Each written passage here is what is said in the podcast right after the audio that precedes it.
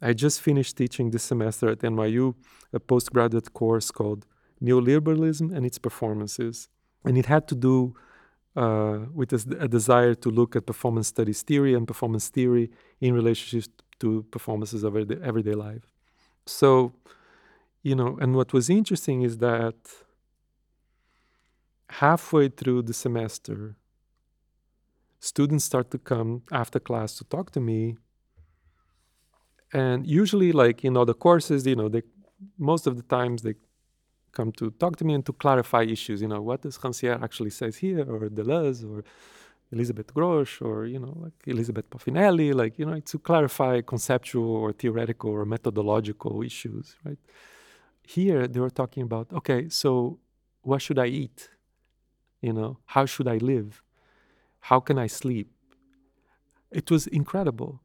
It's as if like the questions that neoliberalism actually make clear is that your relationship to power has to be a relationship to yourself because the forces of oppression are interjected in our habits. You know, it was interesting how during dictatorship in Brazil, you know, you have a very hard and stratified and identifiable enemy. It's the military in power, suspending constitutional rights, torturing people, creating censorship of the press, right? And then you had the responses from intellectuals and artists, some of them absolutely extraordinary, like Chico Buarque and Caetano Veloso and Gilberto Gil, like all of creating these incredible, um, powerful performances, anti-power performances. And then, like once you get to contemporary, multitudinal, neoliberalist democracy, what do you do? Like, you know, you can say, well, you know, Trump was elected. He's a legitimate president, and it's true. He's absolutely legitimate. But then you say, okay, so what do we do with this power as artists? And that's why the students start saying, you know, it's clear that it's in my habits, it's in the diet. And yesterday, you know, diet is a word, a word that appears in this book by Roland Barthes, How to Live Together, right?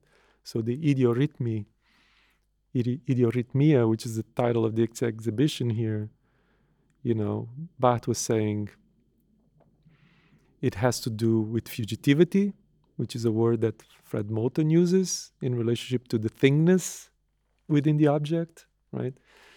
Everything and every subject has a thingness, and that thingness is the power of fugitivity, the potentiality for escape or non performance, right?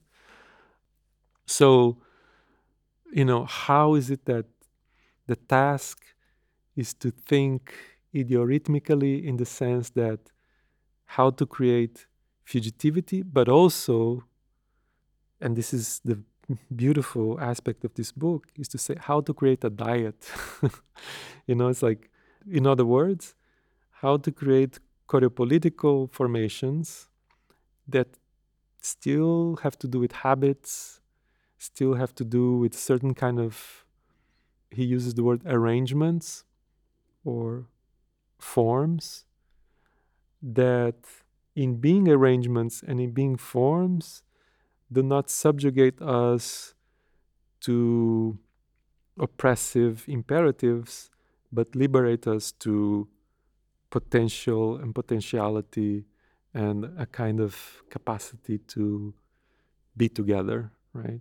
Including be together with the environment, of course, and being together with food and being together with the air and being together. So that's the togetherness. That's where new materialism becomes super important, right? A kind of ecological way of thinking about this togetherness because it cannot be just like between subjects and between human beings, right? It has to be a much more radical togetherness, which also has to do with the, and he insists on this, like it's a communism of distance, right?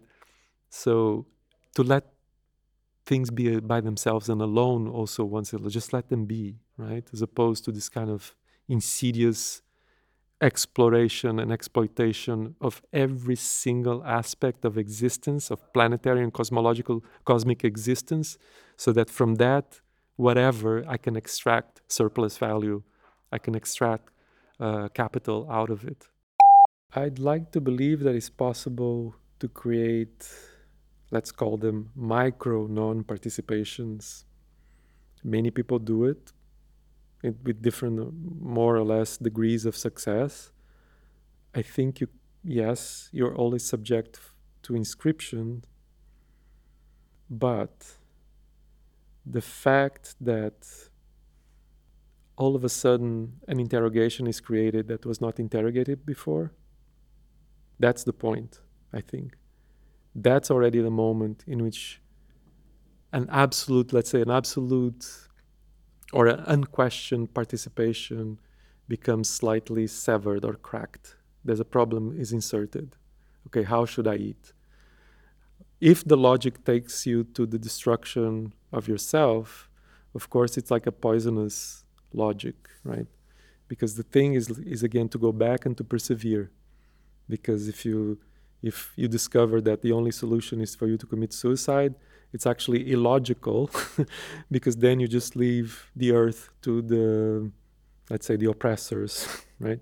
So actually what you need to do is to find a good diet so that then you know you do the best you can so that then you can continue your work right?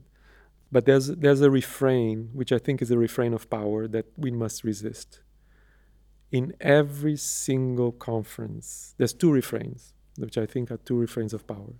Every single conference in which people with more or less good intentions from the left get together and talk about art and politics or just politics or just art, there's a certain moment in which this word, this sentence will be said. There's no escape from neoliberalism or there's no escape from capitalism because capitalism captures everything. And another word is every time someone brings up like you know Walter Benjamin or Artaud or whatever, someone says, "Oh, you're being nostalgic as if the past was better than today." Those are refrains. You, I'm sure you recognize this. Every single conference, doesn't matter where you go, these two sentences will be said. You cannot talk about the past because you're being nostalgic, and you cannot figure out a way of thinking even the possibility that a capital does, doesn't capture everything. I think those are slogans from power I really believe that because I really, really, really believe that there are things that capital hates. There are things that capital cannot consume, that gives indigestion to capital, that capital throws up, that capitalists cannot deal with. Fred Moten uses this, he says, What is it that capital hates? He says, The fat ones. you know and i know what he means by that and we know what that means when we say oh there's this in other words fat capital only loves the fat ones as long as they can make them thin you know like sell drugs to them creates you know programs about the biggest loser how much weight do you lose or only loves the fat ones in as much as they can consume as much as possible but hate their presence somehow it's kind of metaphoric, but there's zones of indigestion in capital, things that are not okay. And it's exactly because it's not okay that capital must be aligned to war machines. Why is it that capital must have war all the time? Why is it that capital must have slaves all the time, somehow in different kind of configurations, right? So the fact that we say, or many people keep repeating that capital takes over everything, I think is a slogan from capital, so that it takes away f- the possibility of thinking of agency, and there's no other option than this. And Zizek said, you know, like it's easier for for us to imagine the end of the world than to, to for capital to imagine the end of the world than the end of capitalism, right? So the end of capitalism is the Walking Dead, right? People killing each other back to a kind of natural law in which the natural law is represented as men with guns beheading uh, zombies and women going back to their reproductive capacity as inferior beings, kind of thing. So, so there's that. And then the other one is like, if you think about the past, you're being nostalgic, but the, you know, as if the past was a really good place to be. There's this amazing project in Berlin. I forgot the name of the artist. You probably know.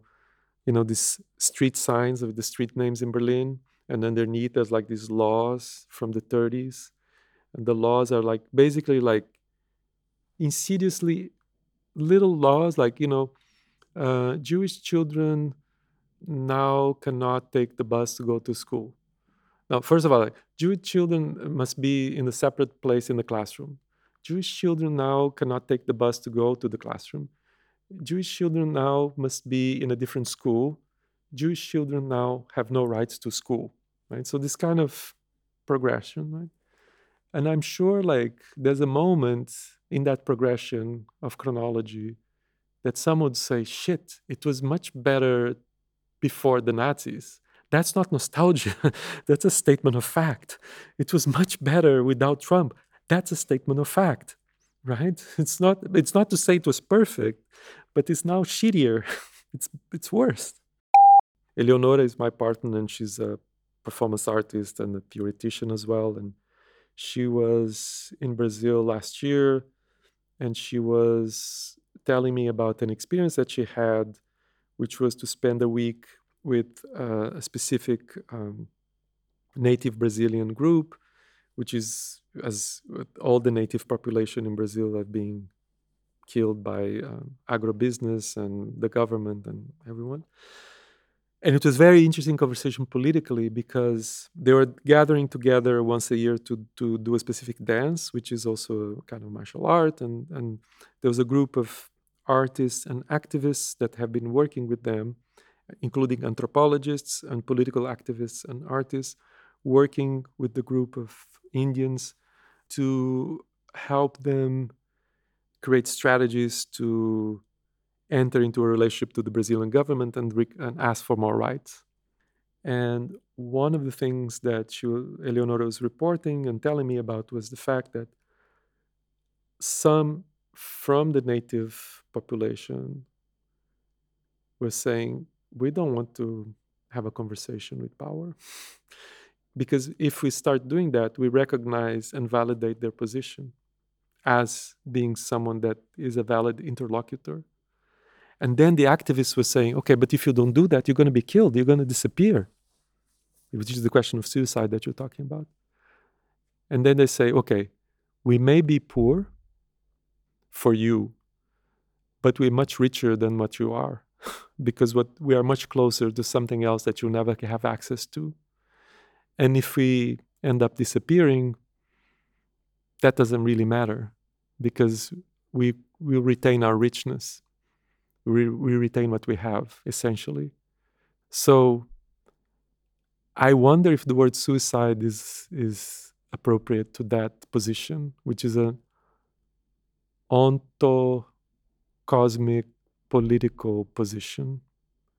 It's a kind of onto power, an ontopotenza that refuses to participate or to refuse to say, I agree, refuse to be in consensus. I wonder, you know. And, and those are the people exactly that capital hates that are not assimilated. So the question of assimilation is also very, very important. Like, why is it that the question for Europe is the question of integration and assimilation of foreigners, of refugees, whatever those are? And then there's the good ones who are assimilated and the bad ones that are unassimilated. The unassimilated ones are in this regime of refusal, of agreeing under the terms of the agreement. There's a, a choreographer whose name is Hooman Sharifi. He lives in Norway, and his story is really interesting. He was 14 years old when he was, and I tell this because he he has mentioned this also in public, so I'm just repeating his own ra- narrative about himself. So he was he was basically it was during the Iran war, Iraq war, and his parents. He was 14 years old, so he, he would be soon going to battle as an Iranian boy um, so his parents just got a plane ticket, put him on a plane, and shipped him to Norway and say, once you get there, just ask for asylum. So, when he got there, he was received by Norway.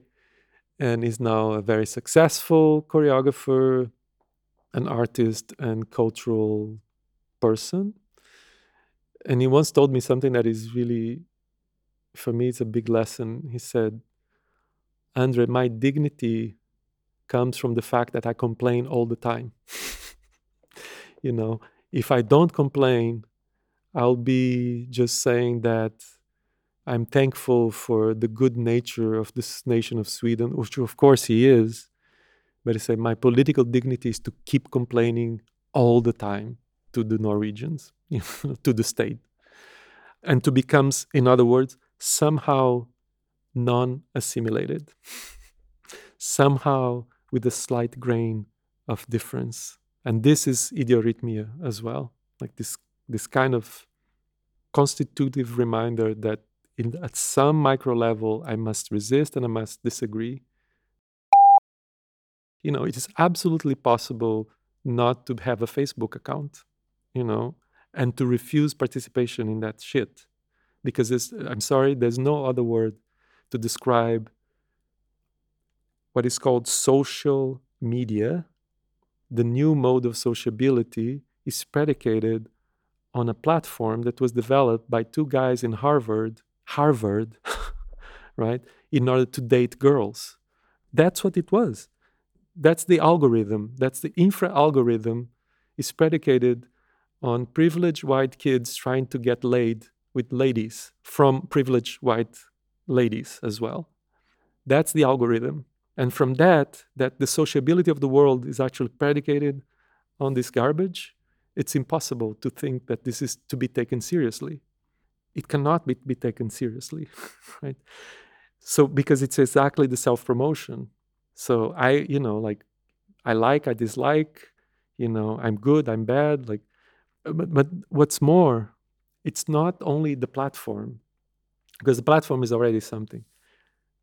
It's the feedback loop from the platform into the molecular, into the cellular constitution of the subject, in which all of a sudden, the way in which you behave online, which is impulsive, short, and judgmental, is translated into the way you behave interpersonally, which is judgmental, highly predicated on aesthetic evaluation of conformity, and having kind of impulsive pissy fits, right? So, you know, I was reading the other day, like, how the recent debate for the presidential candidates in France like was like this apparently this horrible like they're just talking over each other and like completely uncivilized that's exactly the translation into interpersonal exchange from what happens in Twitter. You're just like emitting these things and you're always